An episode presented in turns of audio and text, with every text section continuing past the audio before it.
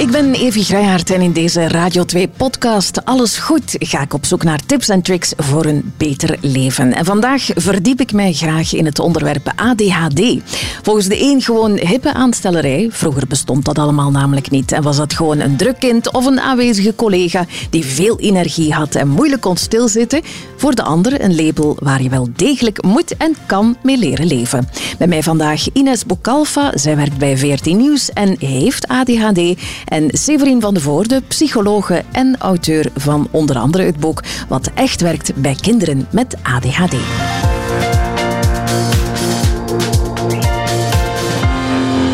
Dag dames. Um, Ines, ik begin met jou. Ik vraag het aan elke podcastgast. Alles goed? Geen klachten. Geen klachten. Oké, daar tekenen we voor. Severin, met jou? Alles helemaal goed. Amai, echt super. Ja, met mij niet. maar dat is ook helemaal oké. Dat mag ook. Voilà. Um, Severin, misschien even kort beginnen uh, bij jou. Wat is ADHD? ADHD wordt op dit moment nog geclassificeerd als een stoornis. Dat staat in het handboek eh, voor psychiaters, voor psychiatrische klassificatie, de DSM heet dat. Eh, wat op zich wel goed is, want dat zorgt ervoor dat er ehm, overeenstemming is, dat mensen dezelfde term gebruiken voor dezelfde uh, concepten. Mhm. En dat er ook criteria zijn, zodat je niet zomaar um, een label kunt gaan toekennen, terwijl dat, dat helemaal niet aan de orde is.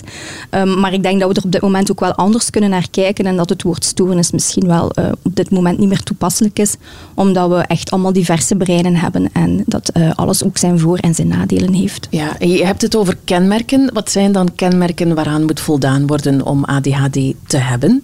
Er zijn twee hoofdkenmerken. Het eerste hoofdkenmerk zijn concentratieproblemen, snel afgeleid zijn. En het tweede hoofdkenmerk is um, overbeweeglijkheid en impulsiviteit. Maar die komen niet altijd samen voor. Dus we hebben uh, mensen die enkel concentratieproblemen hebben, mensen die enkel overbeweeglijk hyperactief zijn en impulsief. En dan heb je het grootste deel van de mensen met ADHD, die heeft de beide uh, hoofdkenmerken samen. Mm. Maar dat wordt eigenlijk allemaal ADHD genoemd. Ja, het woord stoornis klinkt inderdaad wel behoorlijk negatief, vind ik. Ik hoor ook vaak tegenwoordig neurodivers. Dat, ja. dat, dat dat gebruikt wordt voor ja, anders werkende breinen. Ja, dat is denk ik inderdaad een nieuwe flow waar we naartoe aan het gaan zijn. Dat we, maar dat heeft ook te maken met de maatschappij. Hè.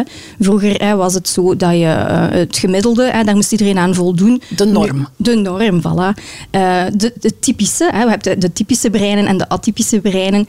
Uh, nu wordt dat meer en meer duidelijk dat dingen die vroeger als stoornis werden geclassificeerd, dat daar eigenlijk ook heel veel voordelen mee gepaard gaan met een brein dat anders werkt. Hè. Het werkt inderdaad anders dan het gemiddelde, maar dat zorgt er ook voor dat er echt wel ook sterktes mee gepaard gaan met die anders werkende breinen. Ja, want uh, Ines, ik zie jou hevig uh, bevestigend knikken. Um, je stoornis houdt bijna in dat er iets mis is, terwijl het is gewoon anders.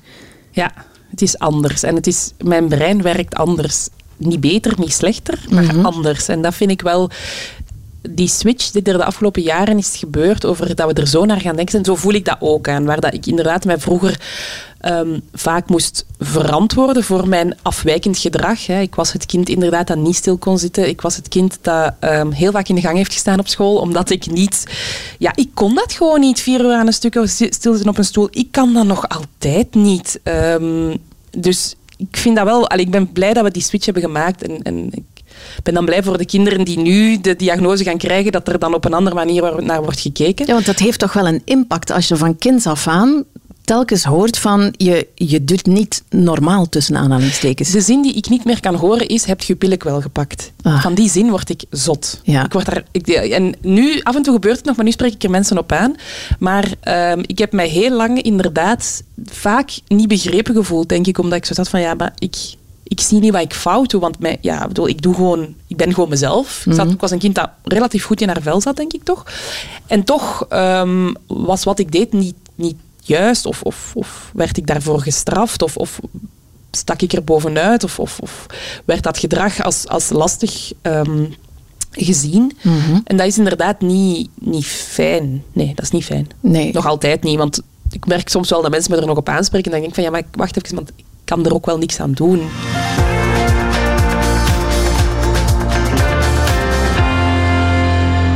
Ines, misschien even beginnen bij het begin. Hè. Als kind al, wanneer is het bij jou dan effectief vastgesteld? Ik denk dat ik een jaar of acht of negen was. Mhm. Mm -hmm. kan, ik, kan mij herinneren, ik kan mij herinneren dat ik heel veel bezoekjes heb gebracht aan het ziekenhuis. Ehm, maar ik denk dat mijn ouders het al wel heel snel door hadden. Ik- mijn mama vertelt altijd het verhaal dat ze toen ik één was naar de dokter is gegaan en heeft gezegd geef mij iets om dit kind te laten slapen, want dit kind is altijd wakker en altijd actief. Nu, moet wel gezegd zijn, mijn moeder is nooit getest, maar zou ongetwijfeld ook Aha. voldoen aan alle voorwaarden. Dus herkende heel veel van zichzelf in mij als kind. Ehm, nu, mijn ouders hebben altijd heel positief benaderd. Maar op een bepaald moment merkte zij ook wel van, ja, we lopen tegen dingen aan. Ehm, dan ben ik voor heel veel onderzoeken naar het ziekenhuis gegaan. Is het vastgesteld ook. En ik dacht dat ik toen eigenlijk onmiddellijk ook ehm, medicatie heb gekregen, relatine. Ehm, en naar aanleiding van deze podcast heb ik nog eens eh, met mijn mama en mijn zus daarover gesproken. En toen zeiden ze, nee, nee, we hebben die medicatie toen niet opgestart, omdat we daar als ouders geen fan van waren. Je hebt er zelf naar gevraagd toen je twaalf was, toen je naar de middelbare school ging en het gewoon niet meer ging om in dat schoolse systeem te zitten. Zo herinner ik mij het niet, maar ja, kinderen Ja. vergeten dingen, maken herinneringen anders. Ehm, maar ik kan me wel herinneren dat ik inderdaad relatine ben beginnen nemen op een bepaald moment en dat het daardoor wel beter ging. Dat ik minder uit de klas werd gezet. Dat ik minder eh, het gevoel had dat ik andere mensen aan het storen was. Want hoe ouder dat je wordt, hoe meer dat je ook merkt dat je gedrag wel storend wordt voor, voor de, je omgeving. Terwijl ik dat mij als kind niet kan herinneren dat dat zo was. En wel, was dat dan het moment, eh, toen je er zelf naar vroeg, naar die medicatie, dat je er zelf ook echt last van begon te Ik ondervinden? denk het wel. Nu, ik, ik zeg het, ik herinner me daar relatief weinig van, maar ik kan me zo wel momenten herinneren dat ik inderdaad niet goed begreep waarom ik bepaald gedrag vertoonde, omdat je wel je best... Ik bedoel, ik, elk kind wil gewoon in de klas kunnen opletten. De meerderheid van de kinderen wil toch gewoon de les kunnen volgen. En als je dan begint te merken van, ah ja, dat lukt en ik weet niet zo goed waarom, ik kan me inbeelden dat ik daar dan wel vragen over ben beginnen stellen. En dat dan de oplossing was, oké, dan gaan we jou medicatie geven om je, om je te helpen. Wel, Ehm, ik- ik denk maar dat als kleinkind snapt, allee, of, of ik snapte niet vroeger, ik, ik kan me één meester herinneren, meester Koen. Ik hoop dat hij zich niet persoonlijk aangevallen voelt, maar die kon daar heel moeilijk mee omgaan. En ik heb dat eh, schooljaar, vierde leerjaar, gigantisch veel alleen van achter in de klas moeten zitten of in de gang moeten staan. En ik, snap, ik kan me nog, ik kan me die gevoelens van, wat dat dan, tienjarige Ines, nog herinneren van, maar waarom? Want ik doe toch op zich niks. Ik doe ook maar gewoon mijn best. En, en ik was bijvoorbeeld heel vaak heel snel klaar met school, met taken in de klas. Ehm, dingen gaan bij mij vaak gewoon sneller als bij klas, of gingen bij mij vaak sneller als bij klasgenoten. En dan zat ik daar maar en dan kwam het, negat of het gedrag, het gedrag dat als negatief werd gepercipieerd. En daar werd dan ook negatief op gereageerd. En ik kon dat niet begrijpen, want ik dacht, maar ik heb toch iets goed gedaan. Ik heb namelijk de rekensommen die we moesten maken supersnel gedaan. Ik heb dat als allereerste af. En ik word gestraft door van achter te moeten gaan zitten of extra oefeningen te moeten maken of in de gang te moeten gaan staan. En dat zijn zo... En naar aanleiding van jouw uitnodiging om hier te komen praten, ben ik daar wel over beginnen nadenken. Ik denk van, ah ja, oké, dat heeft wel als kind wel impact gehad. Wel. Dat lijkt mij ook super ontmoedigend. Je doet je best. Ja. Ja, veronderstel van wel. Nu, anderzijds, mijn schoolresultaten waren wel altijd goed. Dus er was wel een, een, een beloning. Als in, ik deed het wel goed op school. School was, geen, was puur op vlak van leren geen probleem. Ja, maar er is natuurlijk nog iets meer dan alleen maar die goede punten. Er is ook ja, de interactie met jouw omgeving, Ja, ja, hoe ze op jou reageren. En als je dan niet begrijpt van, maar wat heb ik nu eigenlijk fout gedaan? Ja. Dat is lastig. Ja, en dat is wel een proces waar ik de afgelopen jaren wel heel hard heb beleefd van oké, ik merk dat mijn gedrag soms belastend is voor andere mensen. Zij hebben ook het recht om, om dat zo aan te voelen. Inderdaad, ik kan soms wat mijn vrienden en mijn ehm, man dan omschrijven als in overdrive gaan. En, en, en, en, aan 150 per uur gaan. En zij mogen mij daar ook wel op aanspreken. Maar anderzijds mag ik ook wel, heb ik ook wel het recht om zo te zijn, want ik kan er niks aan doen. Het is een deel van mijn persoonlijkheid. Dus dat is wel... eh, Ik probeer, naarmate ik ouder word, het ook wel langs twee kanten te kunnen bekijken van oké, hoe percipieer ik het, hoe voel ik het aan, maar waar andere mensen hebben ook recht op hun gevoelens. Ik kan mij ook storen aan hoe bepaalde mensen zich gedragen en ik heb recht op die gevoelens. Heb ik recht om te verwachten dat iemand zich helemaal aanpast? Nee, maar misschien kunnen we een soort van middenweg vinden waarin dat iedereen zich comfortabel voelt. Ja, heb je daar ook met je, met je mama, je, je vader en misschien ook met je zus over gebabbeld hoe het voor hen dan was? Een paar jaar geleden heb ik daar met mijn zus over gesproken. De- voor de allereerste keer eigenlijk als zo twee volwassen mensen. Dus zei van, mijn zus zei van, ik vond dat als kind heel moeilijk. Want mijn zus is, was als kind het totaal tegenovergestelde. Heel introvert, heel rustig. Zat het liefst van al alleen aan het tafeltje te kleuren. Zei, maar ik wou ook wel erkenning en aandacht. Alleen was er altijd die kleine zus die letterlijk op de tafel sprong en zei, en nu gaan we le spectacle doen, we spraken vroeger thuis Frans, ehm, om die aandacht altijd maar naar mij te trekken, ja, doordat ik ook gewoon zo aanwezig was als persoonlijkheid, kwam de aandacht ook automatisch naar mij. Ze van, ik, heb, ik wou ook erkenning voor wat ik deed en voor mijn gedrag en voor mijn interesses en mijn hobby's, maar er was altijd die, die, ja... Die flamboyante ja, Ines. Ja. En ze zei van, dat was wel... Ik ben heel veel, heel verdrietig en boos daarover geweest. En dat had ik nooit beseft van, ah ja. Uh, Severin, wanneer moet je als ouder eigenlijk gaan ingrijpen? Of wanneer zouden er ja, alarmbelletjes of gewone belletjes moeten afgaan? Um, ik denk dat zolang uw kind goed functioneert en dat er geen sociale of schoolse problemen zijn, het gaat echt over het feit van als uw kind echt in de problemen komt, als de ontwikkeling stagneert op schoolsvlak of op sociaal vlak, Um, of als een kind externaliserende problemen krijgt, echt probleemgedrag begint te vertonen en daardoor in de problemen komt. Of internaliserend gedrag begint te vertonen, namelijk naar zichzelf naar binnen gekeerd geraakt, laag zelfbeeld, faalangst, depressieve gevoelens, er niet meer willen zijn. En dat, is, dat is een verhaal dat ik heel vaak hoor van ouders. Dat, dat is van wel heel erg. Ja, ja, maar dat is dus het resultaat van de mismatch tussen wat een kind nodig heeft, wat zijn behoeftes zijn, en of dat dat wel of niet door de omgeving wordt, wordt gezien en wat ermee wordt gedaan. Dus wanneer moet je zorgen maken als uw kind in zijn ontwikkeling echt zodanig geremd wordt dat het in de problemen komt. Dan is er actie nodig. Maar zolang dat de match met de omgeving goed is, heb je eigenlijk absoluut geen label nodig. Um, om, om, als je daar de aanpassingen naar doet, naar gelang de behoeften, hebben we eigenlijk die labels niet nodig. Maar het probleem is dat we dikwijls niet weten wat de behoeften zijn als we het label niet kennen. Mhm. Want als je niet weet dat de ADHD is, dan weet je ook niet dat daar een concentratie, echt een structureel concentratieprobleem zit en dat plannen en organiseren moeilijk verloopt en dat het moeilijk is om zichzelf te reguleren, hè, omdat die prefrontale cortex eigenlijk dat impulsieve brein moet, moet onder controle houden. Maar als dat niet zo goed werkt, ja, dan, dan moet je nog heel goed willen als kind. Mhm. Maar dat is geen onwil, dat is onkunde. En dat is wel belangrijk om te weten als ouder, denk ik. Hè? Ja, absoluut. Als ouder, enerzijds, we hebben zelf een zoon met uh, eh, ADHD. En um, we hebben heel lang gedacht gewoon dat die, dat die niet wou. Maar die uh, doet eigenlijk heel hard zijn best. En dan nog slaagt hij er niet in om binnen de, de regels van de maatschappij eigenlijk altijd te, te passen. En ja, hij is ondertussen tien jaar, dus hij, hij kan wel communiceren. We, we praten daar ook open en, en eerlijk over. En dat dat ook oké is en dat hij gewoon zichzelf mag zijn. Maar ook, hè, we, we, proberen hem ook duidelijk te maken wat de gevolgen soms zijn of welke impact dat heeft uh, op, op zijn zusje bijvoorbeeld, uh, op ons en, en waarom het voor ons soms lastig is. En we proberen hem dat mee te geven, dat het, dat het wel anders is, maar dat het zeker ook oké is. Hij is gewoon anders normaal. Uh, maar je ziet dan in de maatschappij dat er inderdaad nog veel onwetendheid is. Op school ook. Je hangt een beetje af van, van de kennis, de goodwill van die of die leerkracht, van de school. Van, bestaan daar eigenlijk regels voor? Of, of ja? Ja, op zich um, is er zoiets als universal design, wordt dat genoemd. Hè. Zouden we eigenlijk onze klassen en onze werkvloeren moeten aanpassen. Um, niet um, op basis van label, maar eigenlijk uh, mensen opties geven, zodat iedereen kan leren op de manier dat voor, voor hem of haar passend is. Hè. Zelfs in het bedrijfsleven, je hebt ochtendmensen, avondmensen, mm -hmm. je hebt introverten, extraverten, die leren op een andere manier, die functioneren op een andere manier. Dus moesten we naar dat soort inclusieve maatschappij kunnen evolueren, dan is er gewoon geen probleem. Maar, dat is natuurlijk wel hè, Instagram versus reality. Ja, pas op. Er zijn al heel veel bedrijven die echt enorm veel inspanningen doen.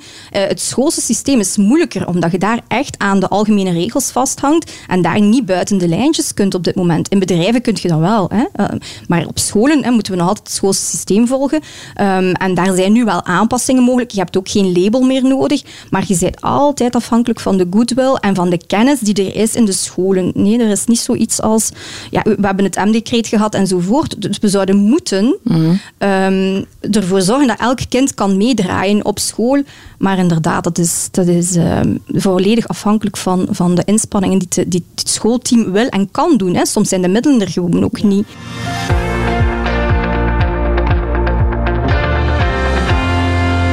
Ja, medicatie, Ines, we hebben het er al even over gehad. Merkte je toen dat het voor jou makkelijker ging? Ik weet dat mijn ouders um, lang die medicatie hebben, hebben tegengehouden. Maar op een bepaald moment is er een test geweest. Um, placebo. Eén week heb ik mm. placebo gekregen, één week heb ik relatine gekregen. En de resultaten waren eigenlijk redelijk wisselend. Ik dacht dat de resultaten heel duidelijk waren, maar ik heb er dus nog eens over mij over gesproken. Van de resultaten waren...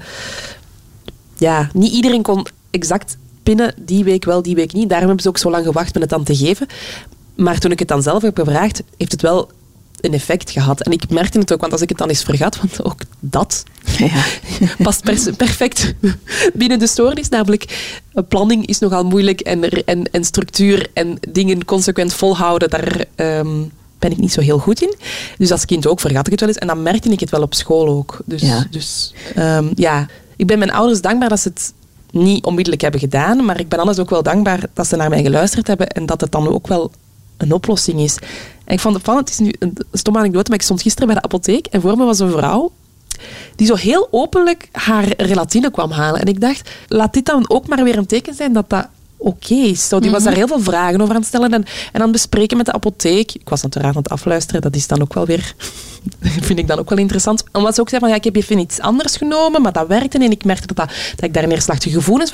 En ik dacht, oké, ja, ik vind, allee, zo... Mhm. Dat iemand zo... Ik had dan nog nooit gezien dat iemand daar zo'n openlijk gesprek in een apotheek die heel vol stond met mhm. mensen. En dan dacht ik, oké, ja, maar het is oké. En ik vond dat weer zo, dat was weer zo'n bevestiging van het is oké. Ja. Ik ben niet alleen. Ik neem nu geen medicatie meer, maar het zou oké zijn als ik dat mhm. nu weer wel zou willen doen. Ja, maar iemand die diabetes heeft bijvoorbeeld, die, die neemt ook zijn medicatie. Dus eigenlijk is dat niet zo ja, heel iemand die depressief is, neemt antidepressiva. Voilà, en, en, dat, niemand... en dat bewonderen, want we zeggen, amai, het is goed dat hij dat die daaraan wil werken. Dus eigenlijk moeten we met die relatine daar ook niet...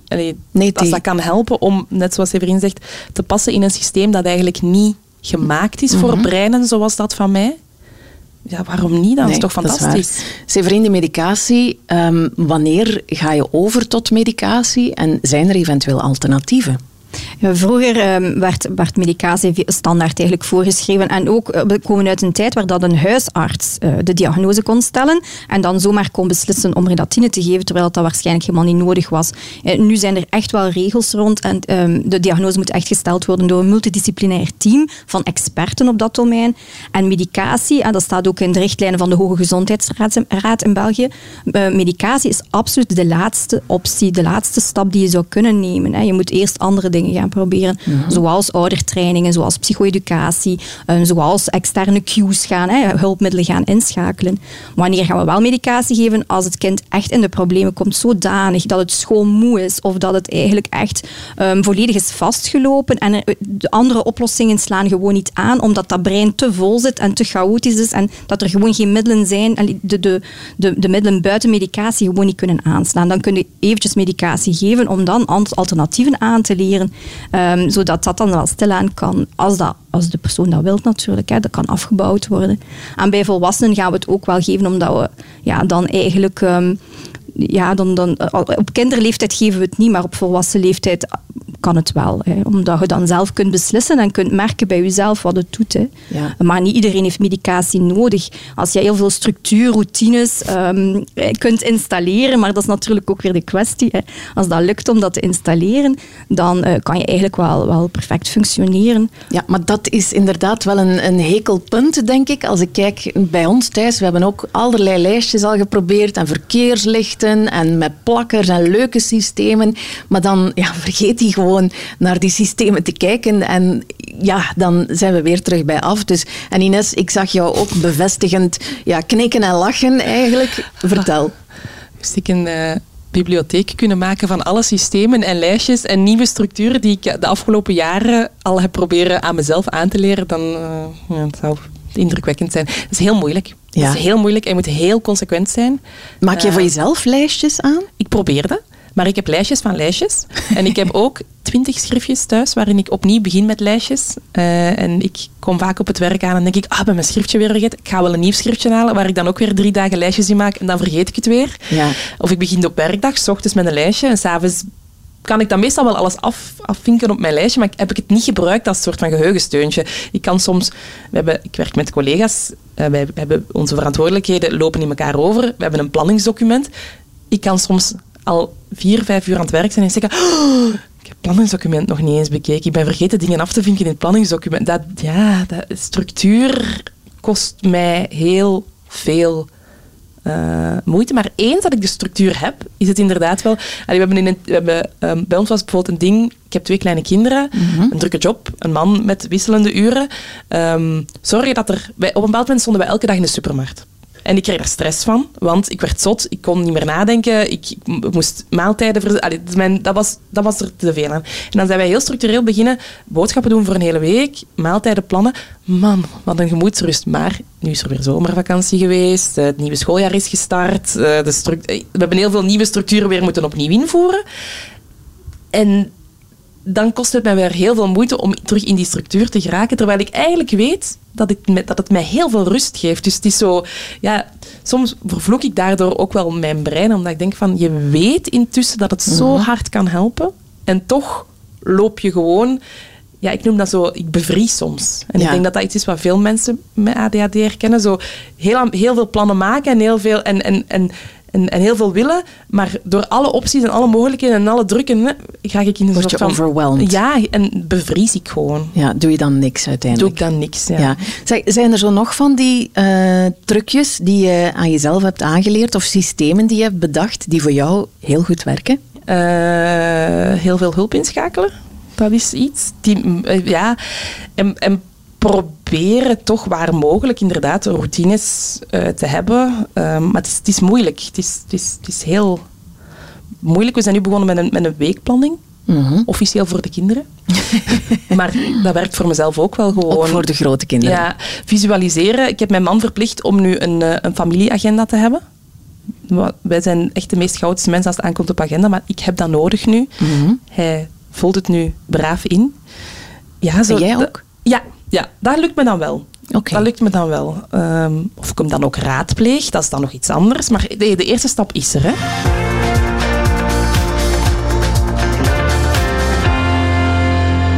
Zijn er ook nog uh, dingen waar je dagdagelijks of vaak tegenaan loopt? Het landschapskantoor is mijn uh, aardsvijand. Ik zie het inderdaad bevestiging.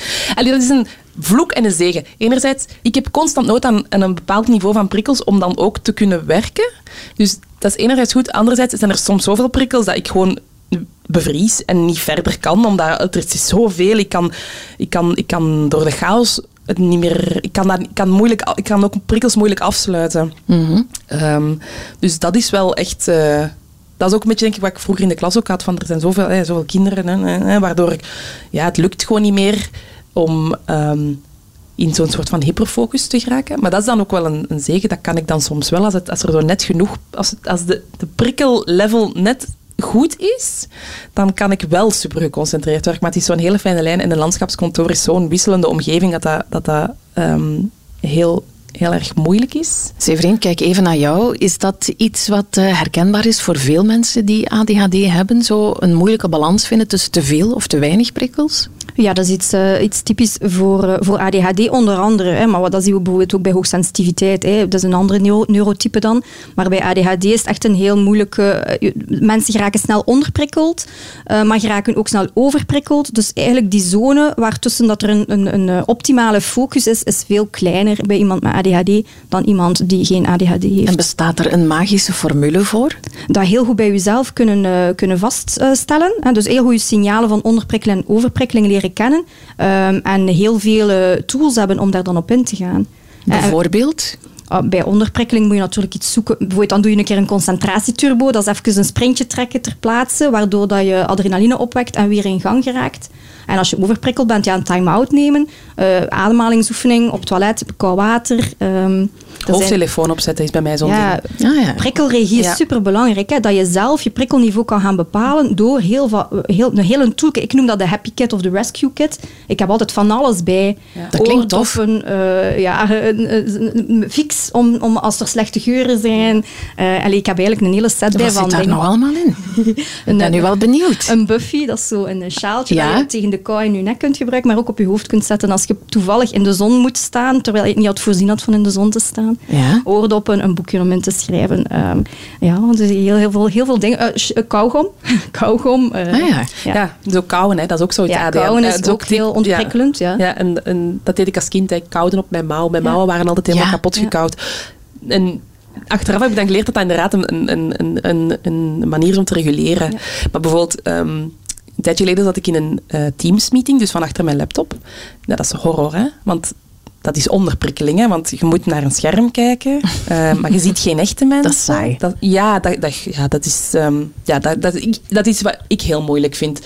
En toen ben ik op een bepaald moment mijn nagels beginnen lakken. En ik heb gezegd tegen mijn collega's, um, het waren collega's die ik heel goed kende, zei ik, dit is echt niet uit desinteresse, maar ik moet iets anders kunnen doen om net het juiste level van prikkels te hebben om mij beter te kunnen concentreren. Um, als ik een fysieke meeting heb, dan um, vraag ik vaak, mag ik diegene zijn die aan bord notities neemt? Niet eens omdat het nodig is voor de vergadering. Of het bord proper maken. Oh, uh, pulken aan dingen, trekken ja. aan dingen, uh, schrijven, doedelen. Het um, komt voor, voor mensen die niet dat type brein hebben, komt het soms ongeïnteresseerd ja. over. Dat, dat hadden wij met onze zoon ook. Dat die dikwijls aan het, Die kijkt niet naar jou als je ermee aan het babbelen bent. En die is ondertussen met iets bezig. En dan denk ik van, maar hallo, uh, ik ben met u aan het babbelen. Uh, komt het binnen? En, maar het komt binnen bij hem. Maar alleen, eigenlijk beter op die manier. Maar het is heel vreemd. Ja, dat is bij ons thuis een, een, een struikelblok. Um, mijn telefoon is bij mij ook een manier om te ontprikkelen. Zo, ja? Ja, um, scrollen. Um, ja, dat is dubbel, hè. Dus terwijl dat je met je partner aan het babbelen bent, ben je aan het scrollen. Ja. Tot grote frustratie van hem, want hij heeft het idee dat ik niet luister. En het is ook soms ook zo, want je begint daarmee omdat je zo moet reguleren, maar je kan soms ook te veel reguleren en, en, en inderdaad afdrijven, maar het is zo, ja. ja. Of um, ook bijvoorbeeld als ik aan het telefoneren ben, opruimen. Mijn man zegt altijd, jij begint altijd te kuisen als je aan het bellen bent. Ja, want als ik gewoon met iemand aan de telefoon ben, pff, ja, nee. Onderprikkeld. Maar ben ik ter, terwijl de vaatwas aan het leegmaken, met, met, een, met, een, met een doek het stof aan het afnemen. En nu klink ik net of ik een heel proper huis heb. Ook ja, dat is voor iemand echt? met ADHD een opgave. Um, maar rommeltjes opruimen, was vouwen, iets om zo net genoeg prikkels. En dat vind ik, dat, dat vind ik heel herkenbaar als je vriend zegt, van, het is zo net die balans vinden. Mm. Niet overprikkeld geraken, maar ook niet onderprikkeld geraken. En dat vind ik um, iets waar ik me de afgelopen jaren bewuster van ben geworden, van om dat te vinden. Maar dat is inderdaad iets waar onze maatschappij... Uh, wordt van ons heel veel verwacht dat wij één taak heel dedicated doen, de hele tijd. En als je verschillende dingen tegelijk aan het doen zit, dan komt dat uit. Ja, als ze zeggen ook, multitasken, dat is een illusie. Ja, je kan alleen maar... Met een, met een brein dat voldoet aan wat wij dan de norm noemen misschien. Mhm. Mm -hmm. Maar ik denk voor iemand met een... Allee, ja. Ik kijk even naar jou, Severin. Um, kunnen ADHD'ers perfect multitasken en super geconcentreerd zijn dan? Uh, niemand kan multitasken in de, in, het letterlijke, um, in de letterlijke betekenis van het woord, namelijk twee uh, concentratietaken. Iedereen kan multitasken als je een concentratietaak doet en een uh, no-brain taak. Dus je kan perfect tv kijken en brein als je ge, ge, geroutineerd en geautomatiseerd bent. Je kan naar een podcast luisteren en strijken, maar je kan niet en um, telefoneren en ook een vergadering uh, meeluisteren. Hè. Dus je kan geen twee concentratietaken tegelijk En kan je doen. een deftig gesprek met iemand hebben en ondertussen zitten scrollen? Op zich niet als dat een aandachtstaak is. Als er dingen zijn die jouw aandacht nemen, op dat moment is ofwel jouw prefrontale cortex gericht, ja, jouw filter, Mhm. gericht op het ene of op het andere. Je prefrontale cortex kan niet multitasken, die kan de spotlight maar op één ding zetten. Dus als jouw aandacht bij het ene is, kan het niet bij het andere zijn. Ja, maar zolang dat jij dus gewoon een beetje op automatisch piloot aan het scrollen bent, Maar Ines, het probleem is Ja, inderdaad voilà. dat mijn prefrontale cortex, Cortex, ja, ja, juist. op je een bepaald moment brein. een keuze maakt. Ja. En dan ben ik ook weg. Ja. En, en ik snap dat dat mijn echtgenoot zot maakt. Hebben jullie daar al discussies, ja, ja, dat is, een, dat, over is een, gehad? dat, is, dat is het discussiepunt nummer één. En hoe ga je daar dan mee om? Ja, dat, dat is moeilijk, hè, want dat voelt soms... Ja, het voelt soms alsof je niet begrepen bent, want ik doe dat ook niet. Ik doe dat ook niet met opzet. Dat is het ding. Ik doe dat niet met opzet. Maar ik snap dat dat voor hem heel frustrerend is. want We zijn aan het praten, we zijn een planning aan, bijvoorbeeld, we zijn een planning aan het maken. Vergt heel veel voor mij. Oké, wie gaat wanneer de kinderen halen? Wie doet wat? Wat moet waar? Dat, dus ik heb zoiets van, hoe wacht, ik ben, ik word, ik, ja, ik moet even, ik moet afleiding hebben, want het, het is moeilijk. Maar ik verlies me dan weer in die afleiding. En ja, dat, dat, is heel, dat moet heel rot zijn voor hem. En Maar ik besef ja. dat ook, maar anderzijds is het ook niet iets wat ik met, wat ik met opzet doe. Mhm. Het probleem is dat je natuurlijk met, met jouw strategie, hè, want eigenlijk je wil jezelf gaan reguleren, dus je zoekt een strategie, maar je, je behaalt je doel niet. Nee.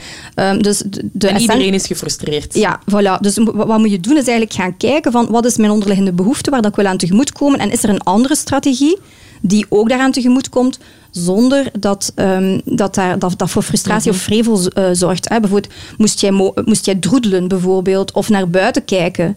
Uh, misschien is dat minder um, affronterend voor uw man en ook minder afleidend voor ja. u dan, uh, dan, dan inhoud, dan content uh, binnen te nemen. Of ondertussen een planking challenge? ik haak heel veel. Ah, wel, ja. En daar kan ik mij uren ja. in verliezen, terwijl ik naar televisie... Of, of, Misschien moet je de planning maken al hakend. Al hakend. Een, haak, een gehaakte planning. Ja. Ik voel, ik voel een, een, een mart. Voilà, voilà. Ik hoorde jou ook even zeggen, en dat vind ik ook een belangrijke, uh, dat je soms vaak wellicht onbegrepen voelt, eenzaam voelt zelfs? Of gevoeld hebt? Ja, ik denk als kind wel eenzaam in mijn gevoel. Allee, als in, ja, onbegrepen. Um, en dat is waarom ik mezelf, een tijdje geleden voor mezelf, een paar, ja, pak nu twee jaar geleden voor mezelf, de beslissing heb gaan ik ga daar verbaler over zijn. Mm, je communiceert. Ik communiceer. Ik ben uh, sinds een tijd, heb ik een nieuwe job. Um, hier op de nieuwsdienst bij VRT. Um, en ik heb aan mijn nieuwe baas ook onmiddellijk gezegd in dat eerste kennismakingsgesprek van kijk, ik heb ADHD wat gigantisch veel voordelen heeft in een job waar je constant prikkels binnenkrijgt. Kan, allee, doordat ik in een soort van hoog adrenaline job zit, dat gaat mij goed, dat gaat mij goed af. Ik, ik, ik, ik, mm -hmm. ik, geniet daarvan. Ik vind dat heel fijn, waar dat andere mensen dat misschien overweldigend vinden. Maar weet wel, verwacht niet van mij dat ik twee uur aan, aan een stuk op mijn stoel zit. Als ik rondloop, is dat niet omdat ik denk, nu ga ik eens een babbeltje maken. Nee, dat is omdat ik dat nodig heb. Want ik heb ja, nu soms ook uh, collega's zeggen, ah, maar je kunt toch gewoon een berichtje via het, uh, het communicatiekanaal sturen. Ja, maar ik heb het nodig om even gewoon naar die persoon te lopen. Mm -hmm. Niet omdat ik die persoon per se wil zien. Wel, hè, toffe collega. Maar vooral omdat ik even moet kunnen bewegen. Even van die plaats moet af kunnen. En dan gaat dat weer opnieuw. En ik, ik heb gemerkt door daar met hem over te communiceren en te zeggen van, kijk, dit is wie ik ben dat zijn een aantal elementen die, daar, die dat je daarin gaat opmerken en begrijpt dat het daar en daar en daar is. Weet ik nog dat in mijn eerste evaluatie, dat hij zei van, ik heb het inderdaad gemerkt en sommige dingen vind ik opvallend, maar doordat ik weet, doordat je er zo open over hebt gecommuniceerd, mm -hmm. van kijk, dat is hoe ik mij reguleer, dat is hoe ik mijn ADHD ervaar, snap ik dat. En, en, kan ik dat soms ook aan andere mensen uitleggen. Dan denk ik, oké, okay, dat is eigenlijk een ik ben zo blij dat ik die keuze heb gemaakt. Ik vind het al fenomenaal dat je hier al heel de tijd in dit lokaal bent gebleven uh, en dat je gewoon op je stoel zit. Ik heb, zoals jullie waarschijnlijk al wel hebben gezien, wel al heel veel met mijn benen zitten wringen. En met je mijn mag recht en... staan of zo. Nee, het is oké, okay, het is oké, okay, maar het is niet... Um, ja, ik besef nu dat ik daar niks aan kan doen en dat dat oké okay is. Heb je het aanvaard? Ja, ik zie het ook, allee, ik zie het ook als, een, als een meerwaarde. Ik kan heel veel dingen heel goed. Ik kan, ik kan uh, heel veel um, informatie verwerken op hele korte tijd. Ik kan in hyperfocus gaan, waardoor ik gigantisch veel werk op hele korte tijd kan verzetten. En dat zijn positieve dingen die ik ook mm -hmm. wil belichten. En die, ik ook, die ook deel van mij zijn en waar ik wel trots op mag zijn. Want Absoluut. het werk dat ik soms kan verzetten op korte tijd, kunnen andere mensen maar van dromen, zou ik dan maar denken. En ik vind het fijn dat er op... Ik heb op sociale media een aantal kanalen die ik volg, die, die, die heel herkenbaar zijn. Maar ik denk, ah ja, dat heb ik ook. En dat is, mm -hmm. is oké. Okay. Er zijn nog andere mensen zoals ja. ik. En dat vind ik heel fijn. Oké. Okay. Uh, Severin, uh, tot slot nog even naar jou. Uh, zijn er nog adviezen die je hebt voor mensen die denken van goh, misschien heb ik wel ADHD? Dat klinkt nu toch wel herkenbaar. Oh, vermoedens hebben. Wat kunnen ze doen of moeten ze doen? Uh, als je geen officiële vaststelling nodig hebt omdat je bijvoorbeeld geen medicatie wil nemen, dan moet je eigenlijk niet veel doen, officieel gezien dan. Maar uh, u vooral inlezen, hè, zou ik zeggen. Heel veel informatie opzoeken over ADHD. Uh, gaan babbelen met mensen die ook ADHD hebben en die, die floreren. Hè. Dus -hmm. waar dat je echt dan ook leert van oké, okay, dat zijn mijn sterke kanten, dat zijn mijn valkuilen. Maar ik denk vooral u informeren en uzelf leren kennen en behouden wat dat je kan gebruiken, gebruiken en, en, en vooral niet onthouden wat dat je niet kan gebruiken. Want je zal je nooit in alle eigenschappen gaan herkennen. En iedereen heeft ook andere persoonlijkheidseigenschappen die daarbij komen, waardoor dat beeld ook wel bij iedereen anders is. Hè. Het is niet omdat je uh, ADHD hebt dat je, dat je allemaal uh, op dezelfde manier uh, denkt. Hè. Dus er is een, iedereen is uniek. Hè. Elke persoon ja. met ADHD is uniek. Oké, okay, um, over inlezen gesproken. Je hebt er zelf al een paar boeken over geschreven. Ja, um, de, de eerste was uh, wijzer- en ontwikkelingsstoornis, maar dat was eigenlijk uh, heel algemeen en heel theoretisch over uh, hoe diagnosticeer je het en um, wat, welke behandelingen zijn er dan en welke aanpak is er. En dan uh, was er de ADHD Survival Gids voor kinderen, een werkboek. Mm -hmm. um, om kinderen om positiever te leren kijken ook naar ja. het label. Want psycho psychoeducatie is zo belangrijk. Ik wilde Ines daar juist zeggen, ik, ik voelde mij vreemd, niet begrepen. Maar ik denk dat je ook niet voldoende uitleg hebt gekregen over hoe werkt mijn brein en hoe komt dat. En, en um, dat, dat onschuldigen en dat normaliseren, dat, dat dat niet voldoende is gebeurd in uw tijd. Nu zijn, nu zijn er gelukkig, allee, kijken we daar al ja. anders naar en proberen we echt ook de kinderen zelf te informeren, zodat ze eigenlijk zichzelf ook niet abnormaal moeten voelen, want ze zijn ook niet abnormaal. En dan uh, het laatste boek is uh, wat echt werkt bij kinderen met ADHD, is dan voor ouders en begeleiders, waarin ik echt vertrek vanuit tien behoeften in plaats van uit stoornis, um, mm -hmm. probleemgericht uh, kijken, echt vanuit behoeften en oplossingsgericht kijken. Want een kind met ADHD heeft bepaalde behoeften die er meer uitspringen dan bij andere kinderen. Maar als je daaraan tegemoet komt, dan komt een kind niet in de problemen. Oké, okay, goed. Um, ik vond het heel fijn praten met jullie dames. Uh, met jou, Ines, omwille van je positieve openheid. en ik onthoud dat er heel veel voordelen zijn aan ADHD. Dus dank je wel. En Severien, ook jij heel erg bedankt voor uh, de onderbouwde kennis en alle tips en tricks. Dus ja, alles goed? Nee, en dat is geen enkel probleem. Maar wie weet is het na deze aflevering toch net weer dat tikkeltje beter.